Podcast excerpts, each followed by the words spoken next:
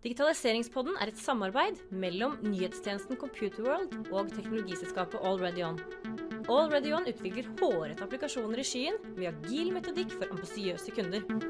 Velkommen til digitaliseringspodden. Vi eh, er i gang igjen. Eh, I dag så har jeg ikke med Dag i studio, for han eh, får ikke lov av arbeidsgiveren sin til å møte folk. Sånn er det nok litt til og fra inntil vaksinen for korona er klar. Men jeg har fått lurt med meg en ny og spennende gjest i, i dag.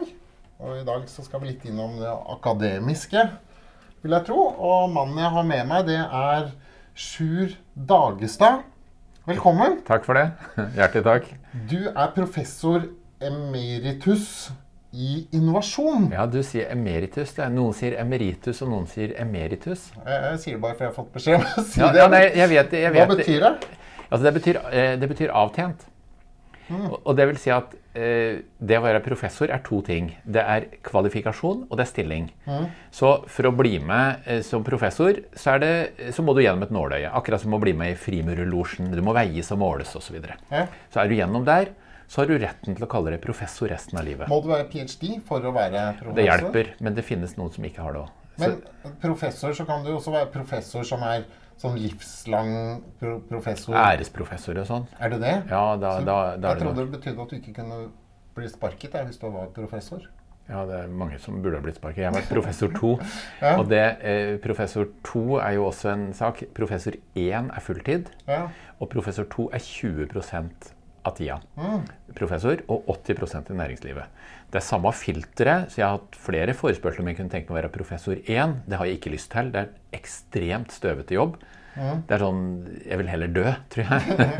men, men, professor 2, da er det jo 80 av tida di i næringslivet og gjør de morsomme tinga. Og så er du 20% av tida i akademia. Det er jo helt fantastisk å kunne skumme fløten av begge. Mm. Og, og, noen kaller det industriprofessor.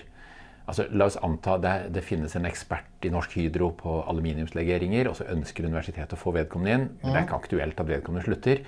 Da får vi det inn på 20% basis. Så, så det, det, er en ganske genial sak. Og da går du på åremålskontrakt, og du er oppsigbar. Ja. Men hvis du er professor 1, er du ikke oppsigbar da? Det må vel kunne være det?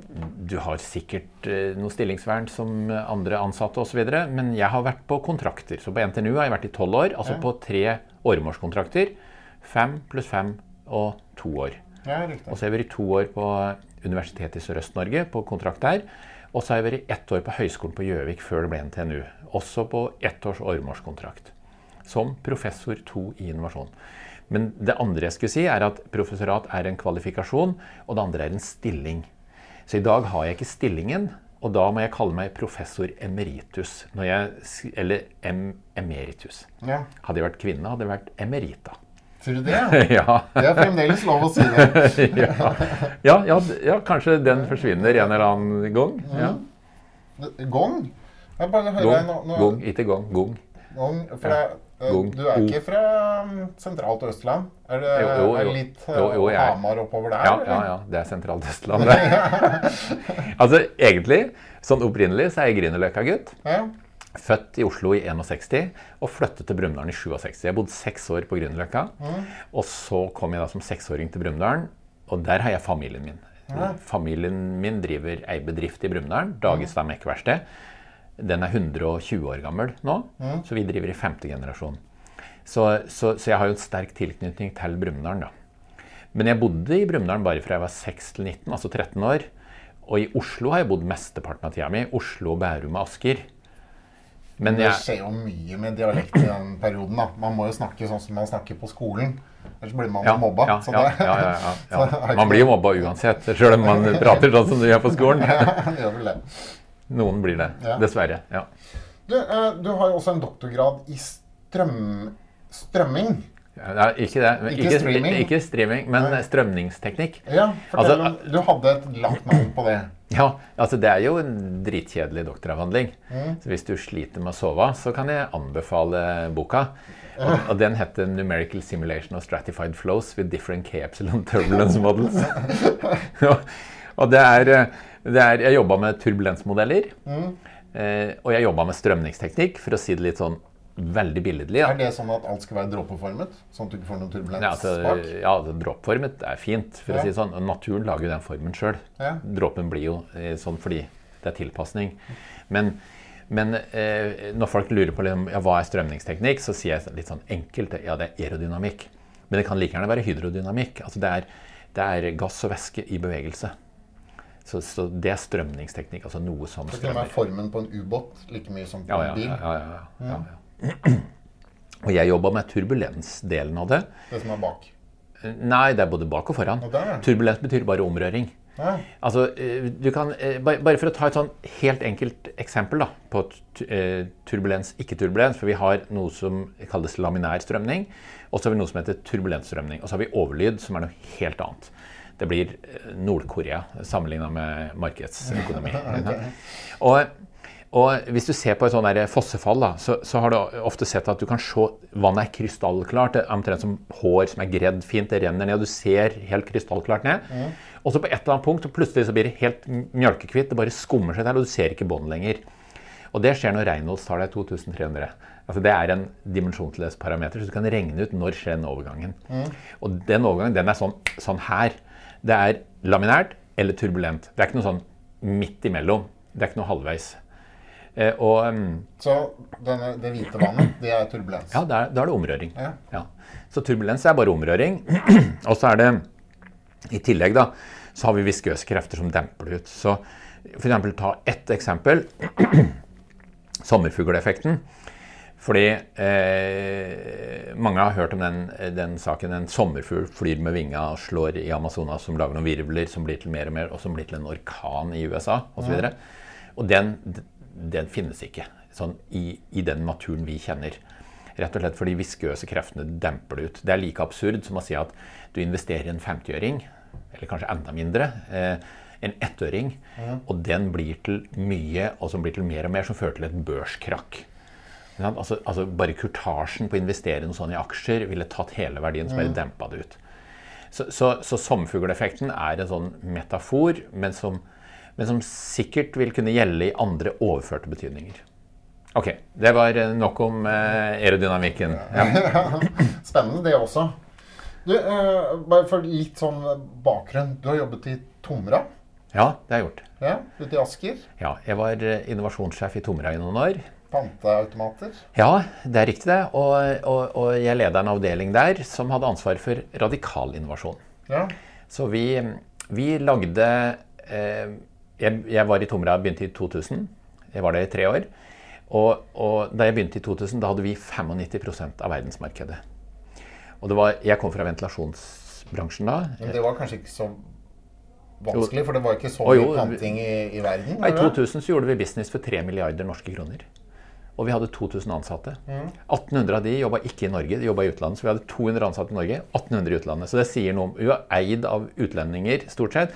Du tenker gjerne at Tomra er norsk og Brødrene Planke osv. Mm. Det var historie. Okay. Så, sånn, at, sånn at eh, så Tomra var ei relativt grei bedrift. Men jeg husker på nyhetene så snakket de hele tiden altså på Økonominyhetene om hvis de setter i gang med panting i Tyskland, så kommer aksjen til Tomra til å gå opp. Ja, ja, ja. Og, og, da sånn underforstått at det var ikke alle land som hadde panting sånn som vi har i, i Norge. Og det har de vel kanskje ikke ennå? Jo, de hadde, jo da, de hadde masse panting i Tyskland. Så dette her var bare tilleggsfraksjoner. Mm. Men butikkeiere ville ikke avstå areal i butikken sin til panteautomater. Nei. De ville bruke det til å selge varer. Nei. Sånn at det var veldig For de var ikke pålagt til å ta inn Nei, nei, nei altså, altså, for all del, la oss slippe å få inn den brukte tinga. Vi selger nye varer. Vi mm. vil ikke ha det inn i butikken.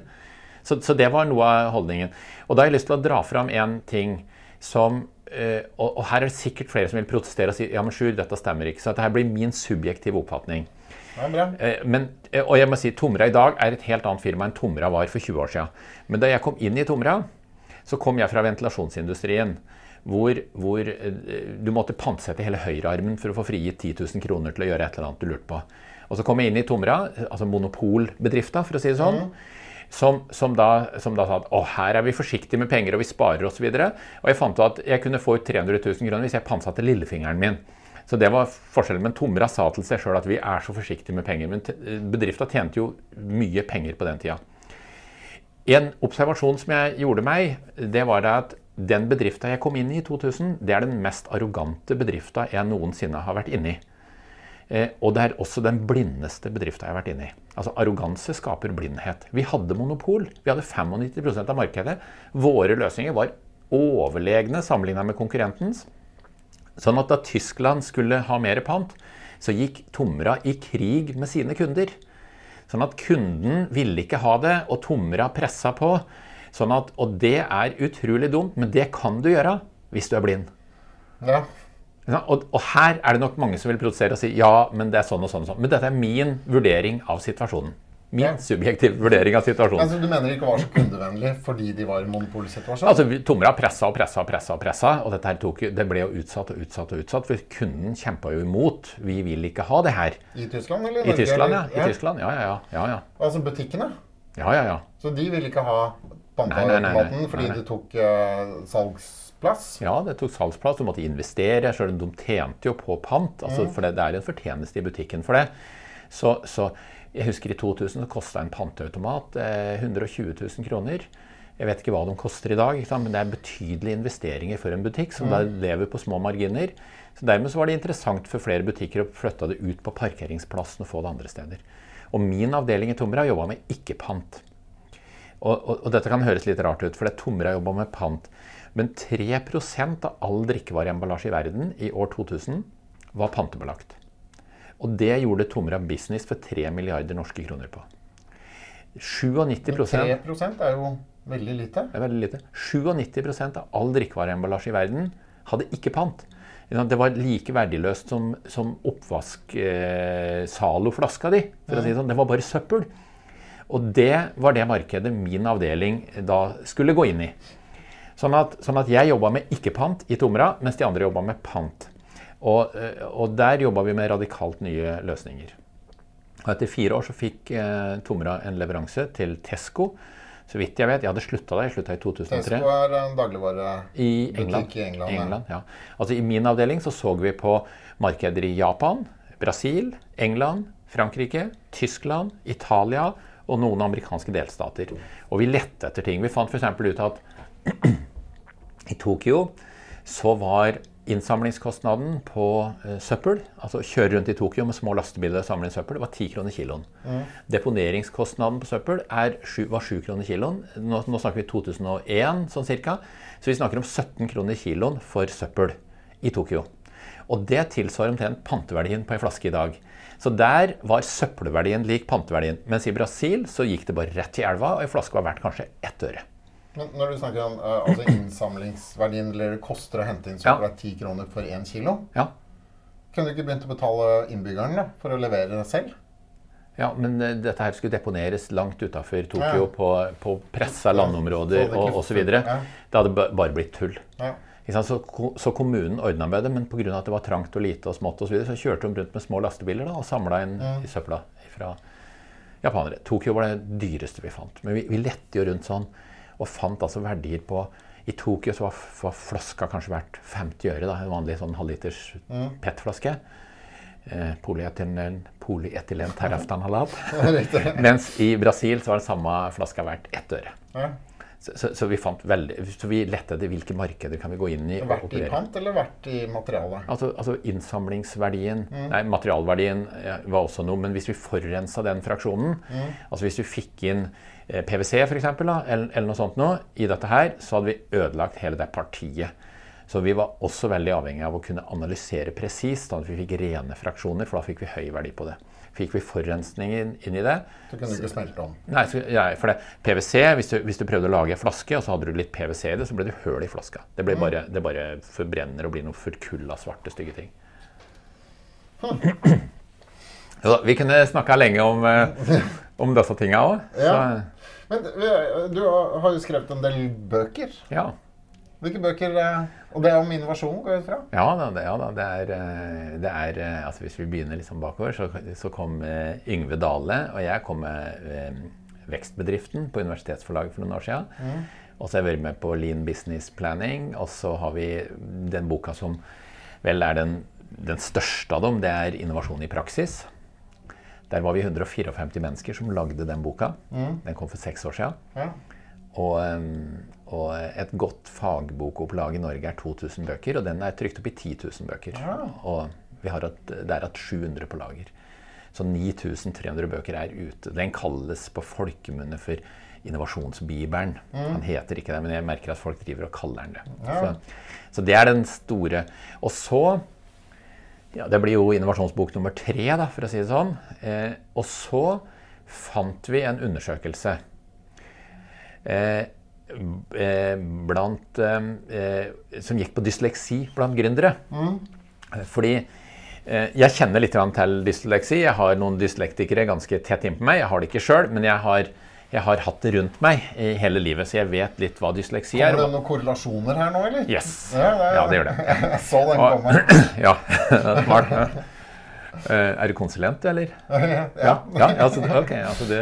Men um, um, hvis vi snakker med Dysleksi i Norge, da, så sier de at 5% av alle uh, mennesker i Norge har dysleksi. Og så sier de at det, det er nokså stabilt rundt i verden. Så det er mm. sånn i England og USA.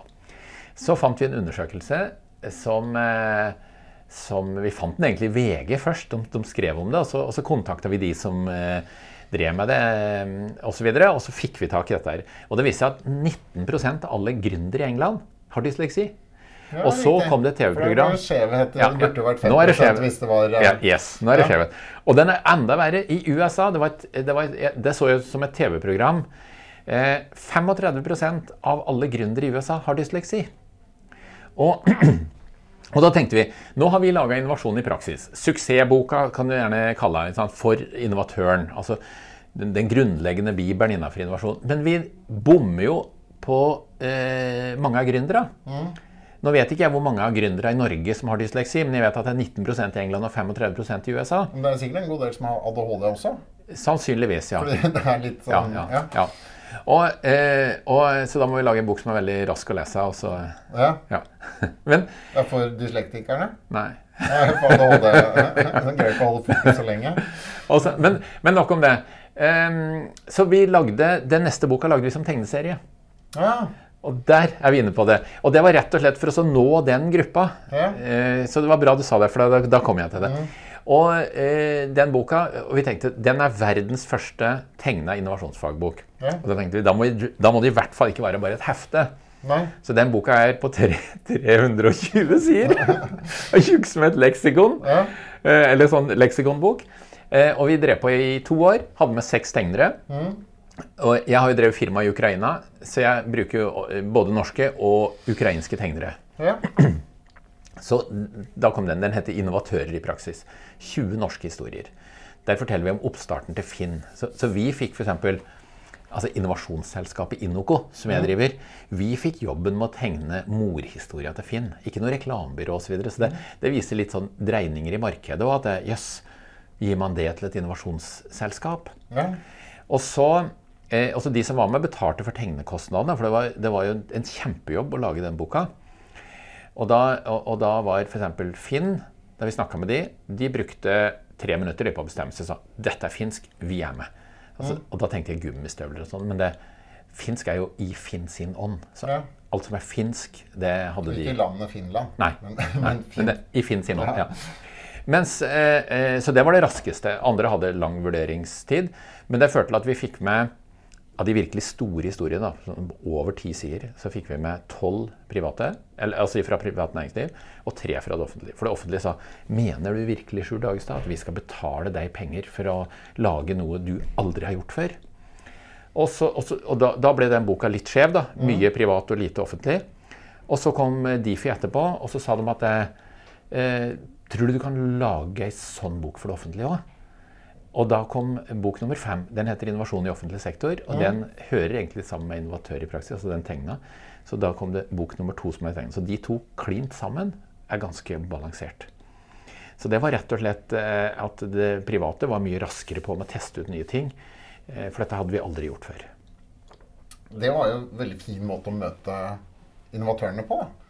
Ja. Som, eh, I hvert fall de som har dysleksi. Men hva med lydboka? Ja, vi har Innovasjon i praksis har det som lydbok. Jeg har det? Ja, Det er litt vanskeligere med tegneserie som lydbok. Da måtte vi heller hatt animasjon, men det er så kjempejobb. Altså det, vi har nå laget tegnefilmer? Ja. Vi har jo, vi har jo laga nå Nå vi, har vi laga innpå 500 sider med tegneserie. Mm. Sånn at, eh, sånn at eh, jeg skal inn i en prosess nå til neste år hvor vi skal lage eh, altså Innovasjon i praksis skal fornyes. da, Så vi skal lage helt ny bok. Digital ja, for det er jo typisk en kunnskap som fort blir gammel. Ja, ja. Så den boka vi har, er seks år gammel. Den skal ja. vi ikke trykke opp igjen. Vi pælmer ut noen kapitler, vi slår sammen noe. Og så skal vi inn med bærekraft, vi skal inn med digitalisering og inn med innovasjonskultur. Ja. Og, eh, og jeg, jeg, kan gjerne si altså, Da vi lagde Innovasjon i praksis, for, som kom for seks år siden, så hele den prosessen var en toårsprosess. Og det første året så skrev vi ikke et ord. vi brukte ett år uten å skrive et ord. Vi brukte det første halvåret på forretningsmodell og innsikt. Altså hvem skal vi treffe, hva er det som motiverer folk til å være med, hvordan er prismodellen oppi her, osv. Så, videre. så brukte vi et halvt år på å rekruttere og få med de som vi skulle ha med. Det ble med 154 mennesker, norske innovatører. Så skrev vi åtte måneder, og så hadde vi fire måneder til trykking. Og, som, og, og da tenker folk jeg satt 154 mennesker og skrev. Nei, jeg gjorde ikke det. Vi delte oss inn i, i kapitler, tolv kapitler. Så hvis du tar 154 og deler på 12, så ender du på sånn røftlig 13 stykker per kapittel. Og én av de var forfatteren. Og den, det var den som sa jeg kan skrive på vegne av gruppa mi. Og den hadde vi med på skrivekurs. Med litteraturkonsulent og hele pakka. Og det skal vi gjøre opp igjen nå til neste år. Og nå skal de i tillegg få en tegneserieskole. Så de skal både på skrivekurs, og så blir det tegneserieskole. For det, du sa jeg er professor og jeg har drevet, hatt mye rare titler. Men den, mm. den tittelen jeg liker best, det er tegneserieskaper. Eller ja. tegneserieforfatter. Fordi der ligger det både sarkasme, og du kan være eh, både humorist og fagmann og snill og jævlig og alle sånne ting. Den er svart-hvitt, varm, kald. Den, det er en tittel jeg liker veldig godt. Det, den treffer meg. Ja. Men det blir mye frivillig arbeid i, sånn, i sånne prosjekter? gjør det ikke? Nei, ikke hvis forretningsmodellen er god. Nei. Nei. Nei for det høres dyrt ut å lage ja. Ja, det er det. Det er, ja, eh, tidkrevende å lage, sånn, å lage ei sånn bok. En sånn Ei tegna bok på 300 sider. Prosjekt kanskje til 2-3 millioner kroner. Ja. Det, er jo, det, er jo, det der. Så, så, jeg, så, jeg, skjønner jo at tegnefilmer er dritdyre. Eller animasjoner er dyre. Det er enormt mye jobb. Ja, men hvis du ser sånn som altså de, de store Disney-produksjonene, Pixar, ja. Ja, de tjener jo mye penger også. Fordi de går jo mot et veldig stort marked. Ja, det er klart. Mens ja. med å spisse seg mot uh, norske de... innovatører, så blir det et veldig, veldig ja. lite Altså, De vet hva de driver med, men mm. hadde vi på Innovasjon i praksis bare Altså, hvis vi tar da eh, Hvis vi tar en bok som Vekstbedriften da, på Universitetsforlaget, mm. den er skrevet som en tradisjonell bok. Eh, med Universitetsforlagets forretningsmodell. Altså Forfatteren sitter og skriver til å bli blå i trynet, og bruker 98% av tida di med å skrive. Ferdig med det. Og så ordner forlaget resten. Mm. Mens, in, mens, Innovasjon i praksis, som vi har på vårt eget forlag, altså jeg har det i mitt eget firma eh, Det er mange grunner til det, men, men der brukte vi altså 50% av tida på alt mulig annet, bl.a. forretningsmodellen. Mm. Eh, og hadde vi slurva med den første delen der, så hadde vi endt opp med Prosjektet for vår del var på 2600 timer. Da hadde vi endt opp med å bruke 2000 ish timer. Vi hadde spart litt ved å slurve litt på starten. Mm. Og så hadde vi endt opp med 2000 frivillige timer. Hvor du, hvor du er raka fant og, og, driver som forfattere. Men realiteten er at har du en god forretningsmodell, så har du gjort inntjeninga di når boka går i trykken. Ja. Gjennom sponsing, eller gjennom, gjennom Finn? Og... Gjennom, eh, gjennom altså crowdfunding. Altså, mm. Husk på, det vi rigger, er et, vi rigger et nettverk. Eh, og det koster å være med i nettverket. Virke har sånne nettverk, og NHO har sånne nettverk, og, og vi har sånne nettverk. Og målet vårt er bl.a. at det skal bli ei bok i det fjerne. sånn at når vi kjører de nettverka, så er det ikke spørsmål om ja, hva skal vi gjøre på neste samling? Skal vi se om vi får inn en, en foredragsholder eller et eller annet sånt? Vet ikke helt hva vi skal gjøre. Vi vet ekstremt nøye hva vi skal gjøre på hele dramaturgien. Mm. Og så er nettverket over. Da har vi gjort den jobben vi skal gjøre. Okay. Så det er en del av det. Og det er innovasjonsnettverket? Ja, Innovasjonsnettverket er et nettverk som i øyeblikket består av 151 deltakere. Vi er Norges største innovasjonsnettverk. Og, eh, og vi skal og vi var 154 sist, og da var vi Norges største klyngeskriveprosjekt. Så vi, vi, skal jo selvfølgelig over 154. Og det er piece of cake, for å si det sånn. Klyngeskriveprosjekt? Crowdwriting. Ja, det er tingen. Ja. Er, det, er, det, noe internasjonalt også? Ja, altså det er, det er noe som heter crowdwriting. Ja. Altså mange, mange, jobber sammen med å skrive og lage. Ja. Og da tror alle at vi løper i flokk og skriver, men det er supermye organisering. Hvis jeg skal ta eh, hvis jeg skal ta klynge... Du er liksom redaktør ja, jeg er redaktør. med stor R? Ja. Må du være veldig diktatorisk, eller? Av og til. Ja. Men, men, det varierer. Du kan si I Innovasjon i praksis så er språket Jeg har stått på scenen i 17 år som foredragsholder. Jeg ble grovismester på NTH. Der var der. Og jeg, jeg får ofte spørsmål om jeg, om jeg er standup-komiker når jeg er på scenen, men det er jeg ikke. fordi da hadde jeg vært nummer 453 i Norge. Men jeg er professoren som snakker som en standup-komiker. For da kan jeg være nummer én. Ja. Så det er også det å være bevisst på rolla si. Og, og, du kan si innovasjon i praksis er skrevet sånn som jeg står og prater her og nå. Vi har ikke tatt mål av oss til å vise hvor flinke vi er, men å få leseren til å mestre. Mm. Og, og, vi hadde fraksjoner i det nettverket for seks, sju, åtte år siden som sa det at nei, nei vi skriver jo ikke lærebok sånn. Vi, vi, må, skrive, vi må bruke følgende ordlyd. Eh, når man ser korrelasjonen mellom referansegruppen og eh, samfunnet for øvrig, så ser man en betydelig andel av de tilstedeværende har en økning i depresjons eh. Og da ramler man litt av. Og du, ja, og ramler, ja. ja. Og vi har jo skydd unna. Der, der, var jeg diktatorisk. altså Der gjorde jeg det på den måten at jeg, jeg lytta på alle som var der. Men jeg må innrømme at akkurat på det punktet eh, Det er mange punkter jeg ikke vet hvordan vi skal være, så det er en prosess med å finne ut det. Men akkurat på det punktet der så hadde jeg stått på scenen i så mange år at jeg visste hva vi skulle gjøre, mm. og ikke skulle gjøre. Du vet når folk begynner å gjespe i salen? Ja, ja, ja helt klart. Men, men hvis, vi, hvis, vi, tar et innovasjonsnettverket da, som skal virke til neste år mm. 70-80% av de som er med der, er innovasjonsledere, avdelingsledere eller toppledere. Og, eh, så, så det, er en, det, er en, ganske tøff gjeng som jeg har klart å samle. Eh, så det er en skarp gjeng, for å si det sånn.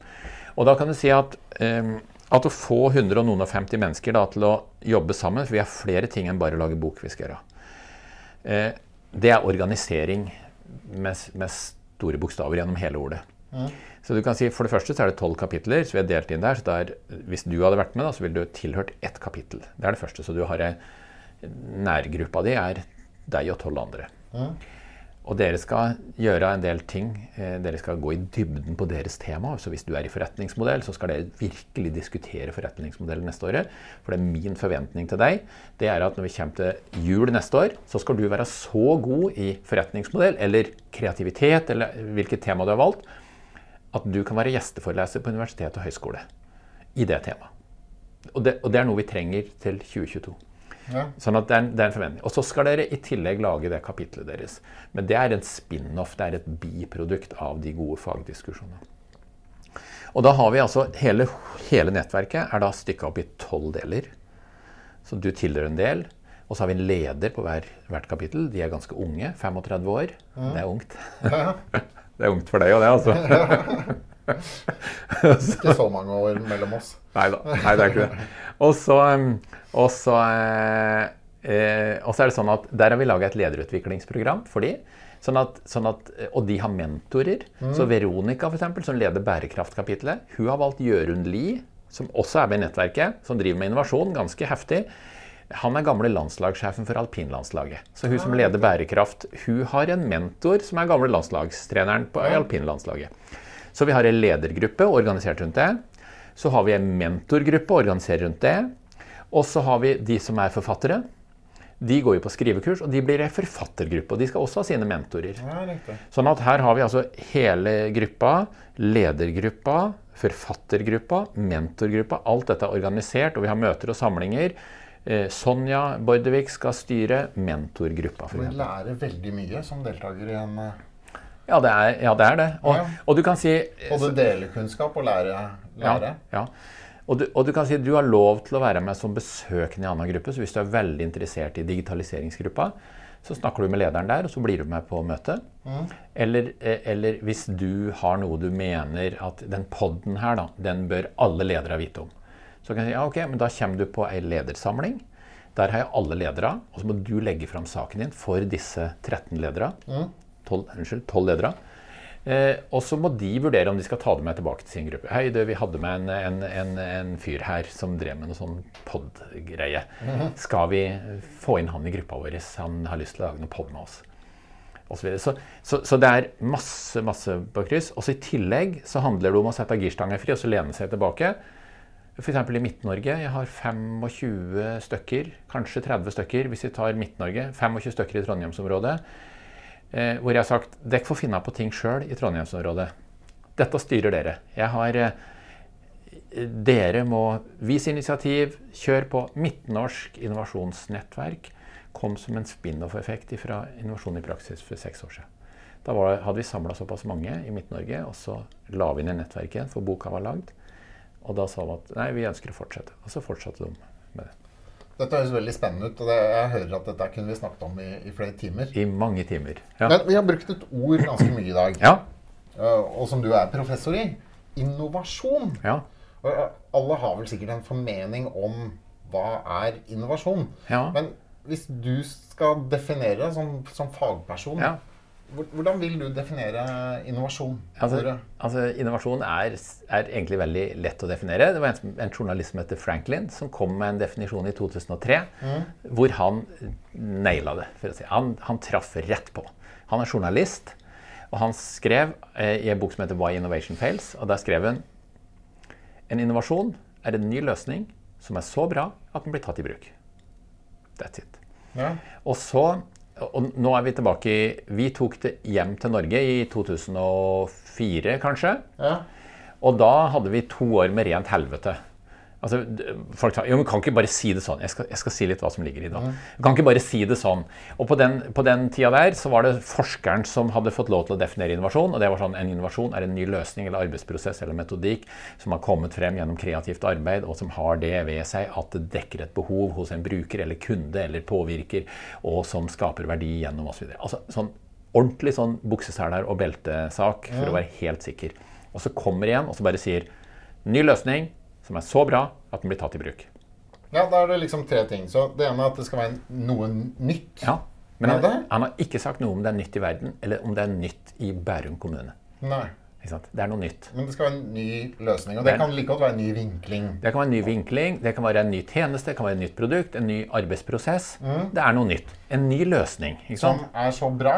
Som er så bra, ja. Og da, nå er vi innom UX, uh, user experience, altså at ja, noen er villig til å begynne å bruke det. Og så må det være, være brukervennlig. Ja. Ja, altså det er, det, er, det, er et, det er, et, løft. Eh, ja, for ellers blir det jo ingen, Hvis det ikke er anvendbart, så vil nei. jo ingen bruke det. Nei, ellers blir det, det er en ny løsning som er så dårlig at ingen bruker det. ja, Men da er det ikke innovasjon. Og så har vi det siste, eh, og det er at det blir tatt i bruk. Altså en ny løsning som er så bra at den blir tatt i bruk. Ja. Og så, etter to år så, Og det blir, blir, det da den kommersielle delen, da? Ja. At den blir tatt i bruk? Ja, men det kan være ei romferje. Det kan være én oljeplattform med sånn type betongfundament, f.eks. Ja. Eller det kan være 100 millioner skrittellere. Så fortsatt så sier han ingenting om tallene. Og så har jeg lyst til å legge på én definisjon til. For etter et par år med masse protester, og det går ikke an å gjøre det så enkelt, og dette er overforenkling og hele pakka, mm. så kom eh, KS med en definisjon som sa at en innovasjon er noe som er nytt, nyttig og nyttiggjort. Det er noe nytt. Det er nyttig for den det gjelder. Mm. Det er så nyttig at det blir tatt i bruk. Altså nyttiggjort. Nytt. Det blir jo mer eller mindre samme som han journalisten du refererte til. Yes, det er akkurat samme. Og, og, og, fortsatt i dag så har vi det sånn at det private bruker mye journalistens definisjon. Ja. Og det offentlige bruker veldig mye KS sin definisjon. Nytt, nyttig og nyttiggjort. Ja. Eh, og, og, begge sier det samme. Sånn at hvis du hadde kommet til meg og sagt ja, vi, vi lagde en, en, innovasjon, vi already on, eh, som, eh, som, eh, men kunden ville ikke ha den. Så kan du si ja, men da er det ingen innovasjon. Dere gjorde et forsøk på å få til en innovasjon. Ja. Eller du kan kalle det et mislykka prosjekt, eller hva det er.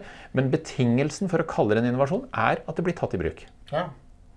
Og, og, og, igjen, i begge så definisjoner så, så, så, så, møter vi noen som da vil si at nei, det må være nytt i verden. Og, og det er ganske interessant, fordi hvis vi går, ja, hvis vi går tilbake 16-17 år i tid, så ble jeg professor i 2003 eller noe sånt. Mm.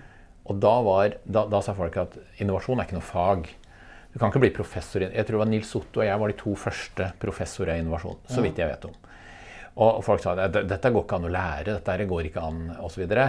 Eh, så i folks bevissthet så, så var ikke engang et fag. Det var ikke noe du kunne lære, det var noe magisk eh, osv. Og, så og nå, nå ramla jeg ut litt, men det spiller ingen rolle. For det, det syns du bare er bra for poden din, du. Ikke sant? For jeg vet ikke hvor jeg skal innatpå. Men uansett, det, det, henger sammen med ting. Men den, en, en, ting som, som, jeg har lest tidligere, og som jeg ble litt glad at du nevnet uh, før sendingen, ja. og det er at vi kan dele opp innovasjon i noen kategorier. Ja. Altså for, for, nå har vi snakket om selve definisjonen, ja, men vi kan snakke om forskjellige typer innovasjon. Og da uh, snakket du om radikal, inkrementell og disruptiv. disruptiv ja. Som også, også er et ord vi skal bruke litt tid på, for det er feilbrukt en del. Altså, altså, altså, det er ikke det jeg eller la oss spare disruptiv. Jeg kan, jeg kan, si til lytteren da at ja, Riktig. ja, Retning må jo være at vi tar inkrementell, ja, radikal ja, ja, og Men jeg kan si at det, det kommer noe på disruptiv. For det er, det er, mye feilbruk på det. altså. Men inkrementell, det er jo, det er jo lite. Altså, Eh, kunne, kunne, altså det er ikke noe overgang, sånn som jeg nevnte tidligere i, i, det, i den sendinga her, at vi har laminær og turbulent strømning på vann. Mm. Det er krystallklart vann kontra omrørt vann. Og det skjer der og da, på ett bestemt punkt. Mm. Eh, mens innovasjon er glidende overgang. Sånn at jeg har bare lyst til å ta en parallell. For jeg har møtt mange ganger veldig veldig små, marginale innovasjoner. Mm. Og så har jeg stilt meg sjøl spørsmål er det innovasjon eller er det ikke. Det er så lite at det er vanskelig å skjønne om det er det. Og da bruker jeg ofte en metafor. Jeg tenker på lyd. For lyd og innovasjon har en del ting felles. Du har lav lyd og høy lyd. Inkrementell innovasjon og radikal innovasjon, det kan også være eh, at det, det går fra det ene til det andre. Mm. Eh, og da tenker jeg, hvis dette her hadde vært lyd, ville jeg hørt noe da? Og da tenker jeg ja, jeg ville sannsynligvis ha hørt en bitte, bitte liten lyd. Ok, altså er det sannsynligvis en mikroskopisk innovasjon. Og sånn går det jo fra Og så, liker vi mennesker å kategorisere det. Ja. Jeg kan godt ta en annen kategorisering. Ja, bare, et sånn eksempel som jeg har hørt om inkrementell ja. innovasjon, og som jeg syns er veldig sånn enkel å forstå. Mm. Det er utvikling av batterier på, på elbiler. Mm. Det skjer jo ikke noen sånn kjemperevolusjon at i, i, morgen så kommer det et batteri som er ti ganger så bra som, som det forrige. Nei. Det er heller det at hvert år så øker de kapasiteten med 10 ja. Så det vil si at vi vet at om ti år, hvis vi ikke tar med renters rente, ja, ja. så har vi liksom doblet kapasiteten på, på, batteriet. Ja, og det er jo det vi elbilførere sitter og venter på. Sånn at vi kan kjøre 60 mil på et batteri. Man kan det nå. Men, uh, men det er jo inkrementell uh, økning, ikke sant? Altså, de, de det er, det og, og, det er ikke noe tvil om at vi kommer til å være der om ti år. Nei, da, For vi ser jo at dette skjer hvert år. Dette er helt i tråd med, ja. det er helt i tråd med sånn som mange innovasjoner utvikler seg. Altså, først er det helt stille og rolig, og det skjer ingenting. Og så plutselig så skjer det en, en brutal endring, en gjennomgang, mm. eh, hvor, hvor, veldig mye skjer i løpet av få år. Og så er det en utflating med masse masse inkrementelt videre oppover. Ja. Så, så, så, det er det Ja, Så det går i forskjellige bølger? Eller? Ja, det kan nesten ligne på S-kurve. Ja. Og, og, og, det er en bok som heter um, 'How Innovation Works', som beskriver dette her. Uh, han heter Matt Ridley, mm. han som har skrevet ja. Han beskriver det på ganske god måte. Uh, for så drar han fram Han har gjort veldig grundig arbeid. Uh, for den som lytter, og som har lest boka 'En kort historie om nesten alt' av Bill Bryson, ja så er dette her innovasjonsfagets svar på en kort historie om nesten alt. Mm. Og du lurer av og til på hvordan han har funnet informasjon. Men for så ramser han opp sikkert 15 navn på mennesker som alle har funnet opp et, et glødende filament inni en glasskule fylt med gass eller vakuum, altså dvs. Si lyspæra, og patenterte før Edison. Så vi tror at Edison var den som fant det opp, ja. men Edison var den som fikk det til i markedet. Altså Oppfinnelsen var det mange som drev med. Innovasjonen, altså få til det markedsmessige i tillegg, det var det Edison som fikk til. Ja. Så Edison var innovatøren, men oppfinnere at der finnes det mange av. Men er ikke Edison som man snakker om som uh, Når han forteller om at han har feilet så mange ganger jo, jo. at han vet at han kommer til å få det til? Ja, ja, men det var allerede funnet opp eller prinsippet? Ja, altså, altså, altså, sånn som Matt Ridley skriver i boka si, så, er, mm. så, så skriver han at det, er ikke, det, det er ikke sånn at, det ikke sånn at, uh, at dette var noe Edison fant opp. Og hadde ikke Edison levd uh, Det var jo ikke Edison som fant opp heller. Han ja. hadde jo en helt stab med folk. Han bare stakk av med alle patenter. Ja. Uh, sånn at hans navn står jo på alt. Men, men, det jeg vil fram til, er at det Ridley skriver, er at det var, det, var ikke, det var, ikke, snakk om at det var Edison som fant det opp. Det var snakk om at vi var på en tid hvor teknologien var så så moden at det ville blitt et gjennombrudd. Han skriver også om søkemotorer. At det er ikke sånn at Google er den geniale saken der rundt søkemotorer. Vi var på et, et, et, et steg i utviklinga hvor søkemotoren ville ha kommet. Med eller uten Google så hadde den kommet. Alta Vista fantes jo fra før. Ja, ikke sant? Så, så, så, det er haugevis av sånne her type ting. Og da har vi en blanding av både det inkrementelle og det radikale. altså Det, det er forskjellige faser. da. Men det inkrementelle, det er ikke noe sånn endelig boks at du er i det inkrementelle. Det er mer som vi snakker om lavlyd og høylyd, egentlig. Inkrementelt og radikalt. Radikalt, det, det, snur jo det snur jo opp ned. Radikalt kan være noe helt annet òg. Mm.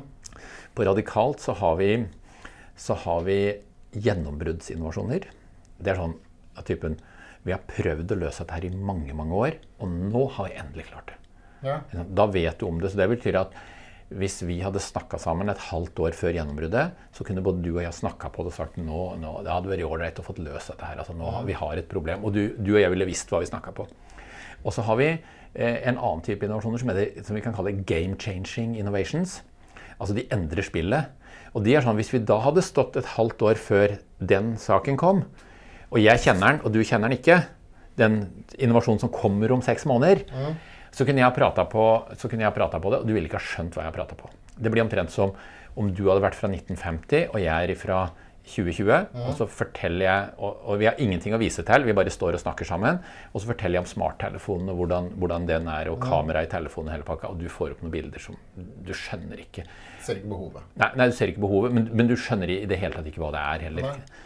Eh, alt mulig. altså Når vi har digitale samtaler, og du lagrer data, og du har kalenderen din, og det, kobles opp med det med noen andre. Du betaler i butikken. Og, jeg ville ha blitt kalt Münchhausen. Så det er gjennombruddsinnovasjoner. Da får vi god dag mann økse Nei, det er, det er game changing, mener jeg. Og det er radikal? Ja, de er radikale begge to. Mm. Eh, både gjennombrudd kan være radikal, eh, og Altså som, som, eh, som, en av kollegaene mine prater på, overgang fra parafinlampe til glødelampe er en radikal overgang. Ja.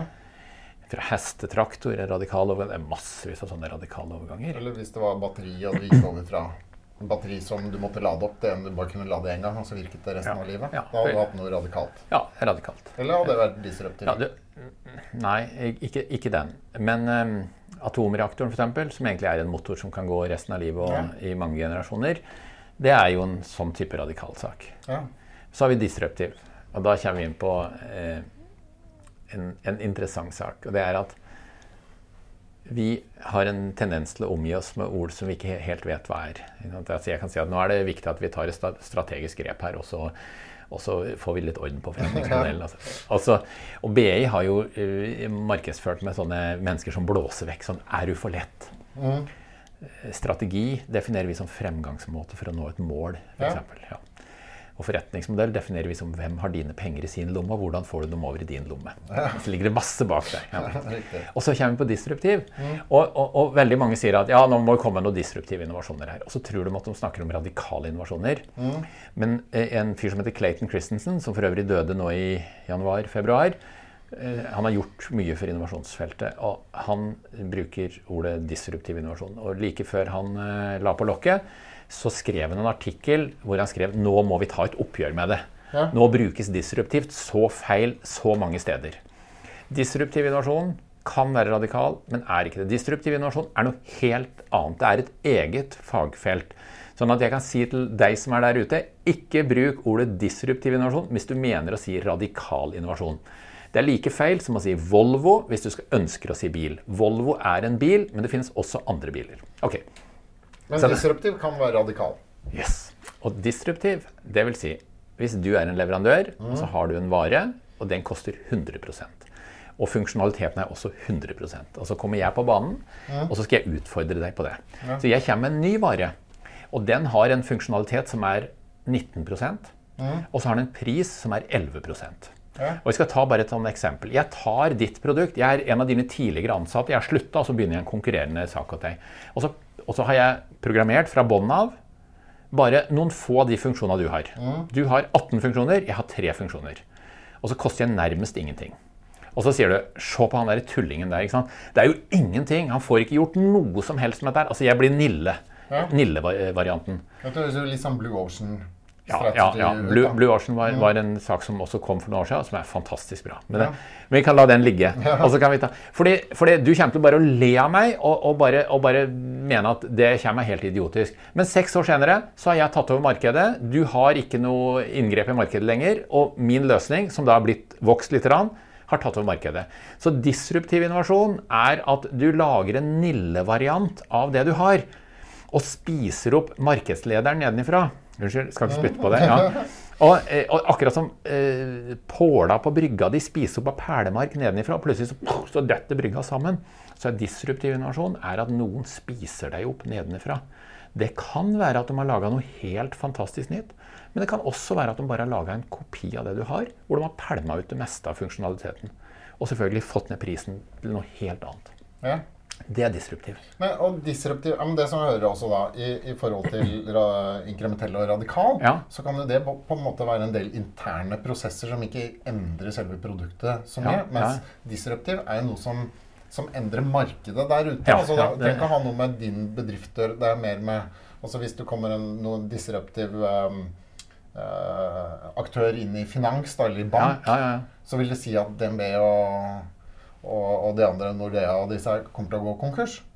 Fordi, ja. Eller kommer til å miste ja, sin markedsmakt fordi det kom noe nytt. Var, Litt sånn som taxinæringen og Uber da, i USA. Ja, kanskje var f.eks. da vi gikk over til å bestille flybilletter på nett.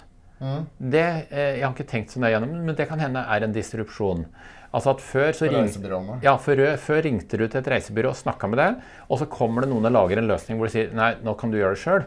Og så vil sannsynligvis de telefonoperatørene si herregud, nå skal de begynne å trykke, trykke, trykke på dette sjøl. Ja, det skal bli moro. Hva vet de om Afrika? Ja, hva vet, ja og så videre. Og, og, og, og, det kan være en disrupsjon. Så, så, så, når bedriftslederen sier at nå må, vi, nå, ja, nå må vi lage en disruptiv løsning her, mm. da, da, da, sier vedkommende nå må vi lage en Nille-løsning her. En nedskalert løsning som tenker på en helt annen måte, og hvor vi nærmest, kanskje nesten bare gir bort produktet. Mens mange egentlig tror at de sier nå må vi tenke radikalt nytt. Og det må de ofte med disruption. Nå må vi, tenke, nå må vi lage en radikal eh, annen løsning. Ja. Men det kan like gjerne være en nedskalert løsning. Men må det nødvendigvis være en nedskalert løsning for å være disruptiv? Kan det ikke være noe som går i en helt annen retning? Altså, vi var innom Blue Ocean Strategy. Der ja. vil jo si at du fjerner en del av, av det du kanskje tror du ikke har bruk for i produktet, og så ja. styrker du en del som eh, som du tror har en verdi. Og da har du på en måte eh, bare ja. flyttet fokuset på ja. produktet, ja. men du treffer det samme markedet. Ja, du har lagt på noe. Altså, I disrupsjonsteorien så fjerner du som regel Altså hvis du har hvis du ser på tid bortover og markedsandel oppover, f.eks., mm. og så vokser det oppover, og så har du sånn nedre og øvre segment, at du svinger mellom der, så kommer ofte disrupsjonen under der med lav markedsandel. og det det er ræva saker som egentlig kommer, men mm. folk vil ha det likevel. Eh, når du legger på ting, så, så, så, så gjør du det litt mer komplisert. Men det kan godt hende at det er det. Jeg vet ikke. Jeg, jeg, jeg leder et nettverk for radikal innovasjon, mm. hvor vi driver med sånne diskusjoner. Og, og, det er mange ganger jeg har kommet inn der med ting som jeg har følt at dette her må da være radikalt, og du får så hatten passer. Og det er sånn, og du kommer ut av og, og vi fant ut at det er i hvert fall ikke radikalt. Det er inkrementelt? Ja, eh, ofte. Ja. Nei, så, så, jeg vet ikke. Men, men Blue Ocean, eller Blått hav-strategien, kom eh, på slutten av 90-tallet. Ja. Boka kom vel sånn rundt 2000. Og mens mye av teorien som kommer på markedet, er, har, har preg av same shit, new rapping Ja, vi har lest om det før. Design ja. thinking for eksempel, inneholder veldig mye av det vi gjør i mange andre ting. Og så har de samla det, og så har de branda det. Og så er det noe nytt, osv. Så det er ikke noe galt med det. Eh, men, men, veldig mange jobber med design thinking uten at de vet det. Så kom Blue Ocean med noe helt nytt. De kom med eh, et kreativt verktøy som heter De seks veier. Eh, de kom med noe som heter gittere, altså et annet verktøy. Det vil si at du skal du skal legge på noe, du skal fjerne noe, du skal øke noe, og du skal redusere noe. Så du skal jobbe aktivt med de fire tinga. De kom med strategilerretet. Eh, vi brukte mye blått hav i Norge eh, i, ja, sånn fra 2003 og oppover til 2010. Eh, men av en eller annen grunn så tok det aldri av i Norge. Vi, var nok under kritisk masse. Vi var for få som brukte det. Mm. Og så kom Alexander Osterwalders Business Model Canvas. Der kom vi over kritisk masse, så veldig mange bruker det. Ja. Så, det, så det, det, det, er to forskjellige verktøy. Men, men, men for å sette det inn i kontekst, da mm. Og Passer det med planen din for øvrig, eller driver vi og drar det helt ja. ja, for det, Hvis vi ser på innovasjonsfaget, da, hvordan det har utvikla seg fra 1950 mm. så, så, er, så hvis, vi, hvis vi går på sånn type før 1990 eh, så var innovasjon i Norge det var lag, eh, lag maskin, få patent og bli rik. Patentet sto sterkt. Mm. Og innovasjon, i den grad noen brukte det, var ofte synonymt med patentering. Og hvis jeg, bare skal si et par ord om patent, så er det Nå, vi, nå snakker vi liksom type Damberg og Radionett ja, og, og litt, litt, den ja. type Ja, for eksempel. Og, tankegang, da. Jeg har i mange år lurt på hva har patent med innovasjon å gjøre. Sånn at Når vi måler på innovasjonsevnen i Norge, så telles det bl.a. patenter osv. Og, så og jeg har, jeg har i mange år lurt på, og, og, på det. Og, ja, IBM og Microsoft og ja, Apple driver ja. og teller og patent, og patent er jo en beskyttelse. Det er en lovtekst som gjør at ingen får lov å tråkke opp i det bedet der. Ja. Og så har jeg en metafor som løste det for min del. En, et patent er som et kondom. Altså det er en beskyttelse. Mm. Og du kan kjøpe mange kondomer uten å ha noe særlig sex. Mm. Eller du kan ha mye sex uten å kjøpe et eneste kondom. Ja. Sånn at kondomer kan si noe om du har mye sex, ja. men de gjør ikke nødvendigvis det. Ja. Så det å telle patenter er på samme måte. Det kan si noe om vi er innovative i Norge, mm. men det kan også si noe om vi har gode jurister som rett og slett bare minelegger hele området, sånn at ingen kan tråkke inn der. Og da fucker du til innovasjon. Da har det ikke noe verdi. Nei, det har ingen Nei. verdi. Det er ødeleggende. Innovasjon handler om å dele og jobbe med og få kreativiteten til å blomstre. Men nok om det. Tilbake til Ja, for nå må jeg bare Open source er jo et stikkord. Ja, open source er kjempefint. Ja, for det, da, det vil jo si at du er mer interessert i å dele. Ja, ja. Gir det til til er, markedet, sånn at de kan bygge videre på det. Ja, ja nei, men det er, og, sånn og så drar vi det videre til økosystemer. Ikke sant? Så lager du grunnlaget. Sier dette er gratis, bare begynn å bruke dette. Og så har du laget et økosystem selv, og så begynner de å bruke det, og så tjener du penger på, ja, det er kjempe, det er kjempefint. på at du hoster uh, et økosystem. Da. Ja. Men hvis vi går tilbake til innovasjonsfagets utvikling, da, ja. bare for å avslutte den tråden, så var altså 50-tallet opp til 90-tallet lag maskin, få patent og bli rik. Og patent var lik eh, innovasjon mye. Mm. Så kom Stig og Stein på banen sånn i 90-tallet, og da var det kreativitetens tidsalder. Sånn stå på noen plastkasser og generere masse crazy ideer. Og, Stig og Stein? Ja, det var sånn konsulentfirma som, ja. som drev med brainstorming. Ja, ja, ja. De drev med radioreklame opprinnelig, og så, og så, hadde de sin glansperiode på 90-tallet. Mm. Så da var, da var, innovasjon i Norge det var brainstorming. Ta, ta med de tolv utvalgte, dra på Bolkesjø i to dager og, og, og generere crazy ideer. Så bikka vi årtusenskiftet, og da gikk vi inn i fase tre, vil jeg kalle det. Altså eh, verktøyenes tidsalder. Så da kom Du har nevnt Blue Ocean. Vi har, vi har Osterwalders Canvas, Kundereisen kom sterkere. Læringssirkelen fra 1932 kom inn i innovasjonsfaget. De seks elementer. altså Det er haugevis av innovasjonsverktøy som vi har. Mm. Så i dag så er innovasjonsfaget profesjonalisert på en helt, helt annen måte. Og fortsatt så lurer jeg på om patent hører hjemme i innovasjonsverdenen eller ikke. Så, så, det er, så det er, det er Måten du legger det frem på, så virker det jo gammeldags med patent. da. Ja, og, at det var den mer industrimåten ja, å jobbe med det. Og for noen så er det jo superviktig. Mm. Og for noen virksomheter så har du mennesker som fortsatt tenker som i gamle dager. Så de mener det er superviktig, så de blir provosert av at de sier det. Mm. For noen så er det virkelig viktig. For noen så kunne de sannsynligvis ha patentert mindre. Tomra patenterte så lite som mulig. Ja. Vi patenterte ikke med mindre vi virkelig mente noe med det. Så, så ut av Tomra spruta det veldig få patenter. Jeg sjøl oppfinner på noen patenter. Vi, vi fikk Reodor-prisen i 1994. For hva da? For å lage en fakkeltenner på oljeplattformer i Nordsjøen. Ja. Ja, og det er Elektrisk? Nei, vi skjøt fakla i brann med brannstiftende ammunisjon. Brukte multipurpose-ammunisjon. bygde bygde ja, det er riktig. Og så bygde vi kanoner. Mm. Trykkluftkanoner. Mm. Det gikk på 350 bar. Skjøt med 1,5 makk. Altså overlydshastighet. Så, så, så, så, jeg står sjøl som oppfinner på noen sånne patent, patenter. Men, men, igjen, for mange av de som begynner med innovasjon Men Er det da for ja. å bli søkkrik på patenten, da, eller? Ja, du blir jo dritrik. Jeg har vel tjent sånn ca. 4 milliarder italienske lirere. ja, Nei, det, det er, da var jeg ansatt i et firma som heter Teknokonsult. Mm. En del av Norconsult i dag. Så, så jeg var jo helt vanlig ansatt og gjorde det som ansatt. Men det er solgt fakkeltennere for over 1 milliard norske kroner til nå. Altså akkumulert salg. Ja. Så vi satte en ny standard. Og, og, dette var jo det virkelig et av de store miljøprosjektene i Nordsjøen på 90, slutten av 80- og begynnelsen av 90-tallet. Det at fakkelen ikke lenger skulle brenne. For en fakkel brant nok gass til å dekke fyringsbehovet til 4000 villaer i året. Sånn at ved at, ved at vi, og, de hadde problemer med å tenne den. Så ved at vi lagde tenningssystem, så kunne de slokke. For da fikk de tent igjen. Sånn at betingelsen for å slokke var å kunne tenne. Eh, og, så det var myndighetenes krav. Sånn at eh, da vi lagde tenningssystemet, så slokka man plattformer overalt. Det kosta i 1989 kosta det 20 millioner 1989-kroner å holde fakkelen på Gullfags A i drift. Eh, sånn at det, det, var mye penger å spare.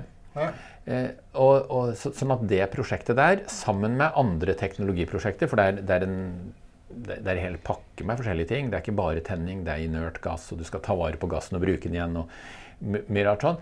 Men altså, hele den satsinga som, som, Statoil, Equinor i dag, da, gjorde, det var et kjempemiljøprosjekt. Og det har ført til at fakler er slokt rundt omkring i hele verden. Det som før sto og brant. Så der har vi, der har vi mye å takke eh, gamle Statoil. Hvorfor har man den fakkelen? Fakkelen er ja, det er søppeldunken, for å si det sånn. da. Mm. Altså hvis, eh, hvis, noe går skeis på plattformen, eh, så, så, så, kan du selvfølgelig stenge ned plattformen. Men jeg husker de tallene vi fikk oppgitt på slutten av 80-tallet. Det tar 1 12 døgn å starte opp igjen plattformen. Det kosta 32 millioner på den mm. tida. Så det er klart, hvis de kunne redirigere skiten, altså både olje og gass, og få det opp på fakkelen og bare brenne det opp. Så kunne de fikse feilen og så holde plattformen i drift en times tid, og så bare brenne det opp, og så kjøre videre. Og det er klart, Hvis du ikke har en fakkel i brann, og du får noe som svikter, så er jo olje- og gassstrømmen som kommer opp, det er jo som 100 trailere i 100 km i timen. Mm. Å bråstoppe det, det, eh, det, gjør du ikke med mindre du mener det. Nei. Så det er klart, du får jo en overgangsfase hvor du er nødt for å lede det vekk. Men de kunne bare sprutte ut i naturen? Ja, de kunne gjort det. Men det hadde jo vært en mye ja, ja, ja, ja, det ville vært for det. Eh, nedbrytningsevnen, eh, metan sin nedbrytningsevne på ozonlaget jeg tror det var 20 ganger større enn CO2 har. Mm. Eh, så, så, det er det. Men det aller verste det er jo at da har du en gasslekkasje. Landingsforbud for helikopter, evakuering, nødavstengning. Du har hele pakka. Så hvis du ikke får brent det, da er det gasslekkasje. Da kommer du i Dagens Næringsliv. Du kommer på TV, det blir hovedoppslaget den dagen. Ja, ja, så videre. Ja. ja. Vi går mot slutten. Yes. Nå har vi snakket mye om brann. Slutten? Du sa vi skulle drive på i fire timer. Fire timer, Maraton. ja. Du nevnte før sending noe som heter Burning Man ja. i Nevada. Jeg er glad du kommer inn på det. Ja. Hva, hva er dette? Altså, er dette? Dette er noe konferanse... Ja, du må gjerne kalle det konferanse. det er, altså, mange av de som lytter, vet hva Burning Man er. Jeg har vært på Burning Man fire ganger. Skulle vært der i høst eh, men, men, nå er jo USA sånn som det er. Burning Man er en festival ja. som er i en ørken i Nevada. Elon Musk har sagt at hvis du ikke har forstått Burning Man, så har du heller ikke forstått Silicon Valley. Langt fra Las Vegas, eller? Eh, ja, fra Las Vegas er det et stykke, men fra Reno så er det, så er det 20, langt blir det? 20-25 mil. Ja. Det er noen timer å kjøre opp. Det er, eh, det er en stor, eh, gammel innsjø, så det er bare mudder. Det er, det er, ikke sand engang. Det er mudder, det som er der. Men, eh, men det er jo en, det er en festival. For meg personlig så er Burning Man det råeste innovasjonskurset jeg noensinne har tatt. Og det ser helt, helt annerledes ut enn å sitte på skolebenken, for å si det sånn. Eh, og for andre så er det Dagens Næringsliv sendte en journalist dit Og vedkommende skrev om sex, dop og rock'n'roll. Og det som er det farlige med Burning Man, er at det du er interessert i, det finner du der. For eksempel, jeg skal, ta en, jeg skal ta en metafor, bare sånn helt konkret. Bare sånn litt sånn bakteppe ja. før du begynner på metaforen. Hvor mange mennesker er det som er der? 75 000, kanskje. Ja, Og på South by Southwest så er det kanskje 100 000, men det er jo over ganske mange uker. Hvor lenge varer det? Ei, ei uke. Ja. Og var litt lenger for de som bygger opp og river ned. Men ja. altså ei uke fra det står til det brenner. Og de fleste er der hele tiden? Ja. ja. ja. Drar du ut igjen, så må du ha ny billett for å komme inn. Ja, riktig. Ja. Men bor du der inne i telt eller hotell, eller? Nei, telt. Alle må ha med alt. Det må det? Alle må ha med alt, ja. Ok, ja, Da har vi litt av bakteppet. Ja, ja, ja, Kom med metaforen, da. På... Jo, altså, eh, jeg, jeg, er jo vokst opp eh, med Il Tempo Gigante. Ja. Og, og, og, for meg så er, det, så er det Jeg driver med veteranbiler, men det skal vi ikke ta her nå. Men, eh, men for meg så var, så var, jo det den virkelig store tingen. Sånn at, sånn at jeg er opprinnelig maskiningeniør sånn i utgangspunktet. Så du kan si at i min verden så har du én. Du har Il Tempo Gigante. Og så kommer jeg på Burning Man, og så opplever jeg at det er 500 art cars der. Og, og 50-100 av dem er like fine som Il Tempo Gigante. Sånn at jeg, eh, altså Ola Nordmann da eller Som de har med seg? De har med ja, bilene? Ja. ja kjører, kjører, rundt inn der. Ja. Og, og, og, jeg kommer altså Hvor stort er området? Ja, Det er stort. Du må ha sykkel for å ta det rundt. Ja, Det blir en by, altså? Ja. En pop-up? Ja, den heter Black Rock City. Ja, det er en by? Ja, ja med egen flyplass òg. Ja. Eh, og det er ikke lov å bruke penger der. Alt er delingsbasert. Pay it forward. Altså, du hjelper noen, og så får du hjelpe andre. Men altså, da jeg drog fra Burning Man første året, så kom jeg inn med kall det et handlingsrom lik én. Altså Il Tempo Gigante. Mm. Jeg hadde en sånn en. Og når jeg kom ut av så var handlingsrommet mitt på 100. Og jeg er født i 61, 1961. Og da, er, da sto patentet sterkt, som jeg prata på, og Musta hemmeligholdt fiskekrokproduksjonen, og du delte ikke med noen. Det at jeg har kunnet klart å stå oppe i delingsbaserte prosjekter og tro på det, og være født i 1961, det har jeg ikke lest i lærebøker. Det har jeg vært med på på Burning Man. Altså, det har forma meg så mye at jeg har klart å stå i to år eh, lange prosjekter. Er vi inne på open source igjen, da?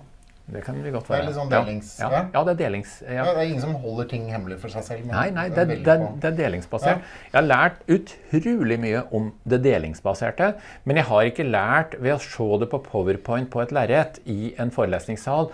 Jeg har lært det ved å være deltaker i det og sett hva det gjør med meg som menneske. Og vært takknemlig for å få, eh, for å få dele noe av det. Det blir litt som det blir litt som dataspill. Mm. Altså Du kan enten lese om dataspill, eller du kan få på deg et par VR-briller og spille Beat Saber. Mm. Eh, og jeg gjør det, for å si det sånn. Mm. Og spille Beat Saber og, og, prøve hvordan det er. Du trenger ikke å lese en setning. Eh, så, sånn at, og, og, sånn er det med Burning Man.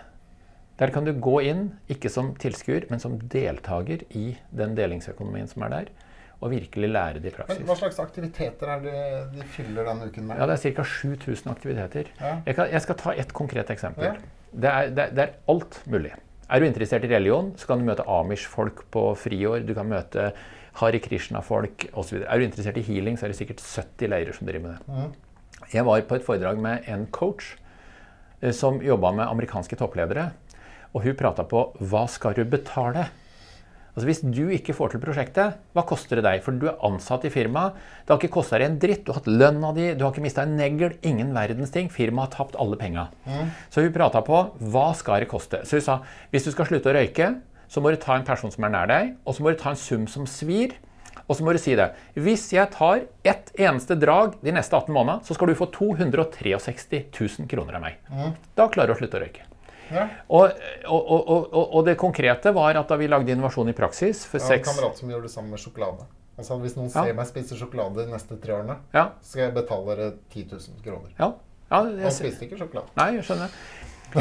Innovasjon i praksis. 154 mennesker. Delingsbasert prosjekt. Jeg hadde aldri gjort det før. Jeg sa ifra til de andre at jeg skal ikke klippe håret mitt før jeg blar i boka. Får jeg det ikke til, skal jeg aldri mer i resten av mitt liv klippe håret mitt. Har du hårfagre? Ja, jeg hadde hår ned på skulderen. Da vi lagde den verdens første tegna innovasjonsfagbok, så sa jeg det samme skjegget. Og jeg skal love deg, langt skjegg, det er ubehagelig om vinteren. Ja. For det, det, det, kondenserer. Det er fint med rim i, men i resten av tida så er det bare bløtt. Så du går i prinsippet med bløtt hår i ansiktet. Det er ordentlig, ordentlig ubehagelig.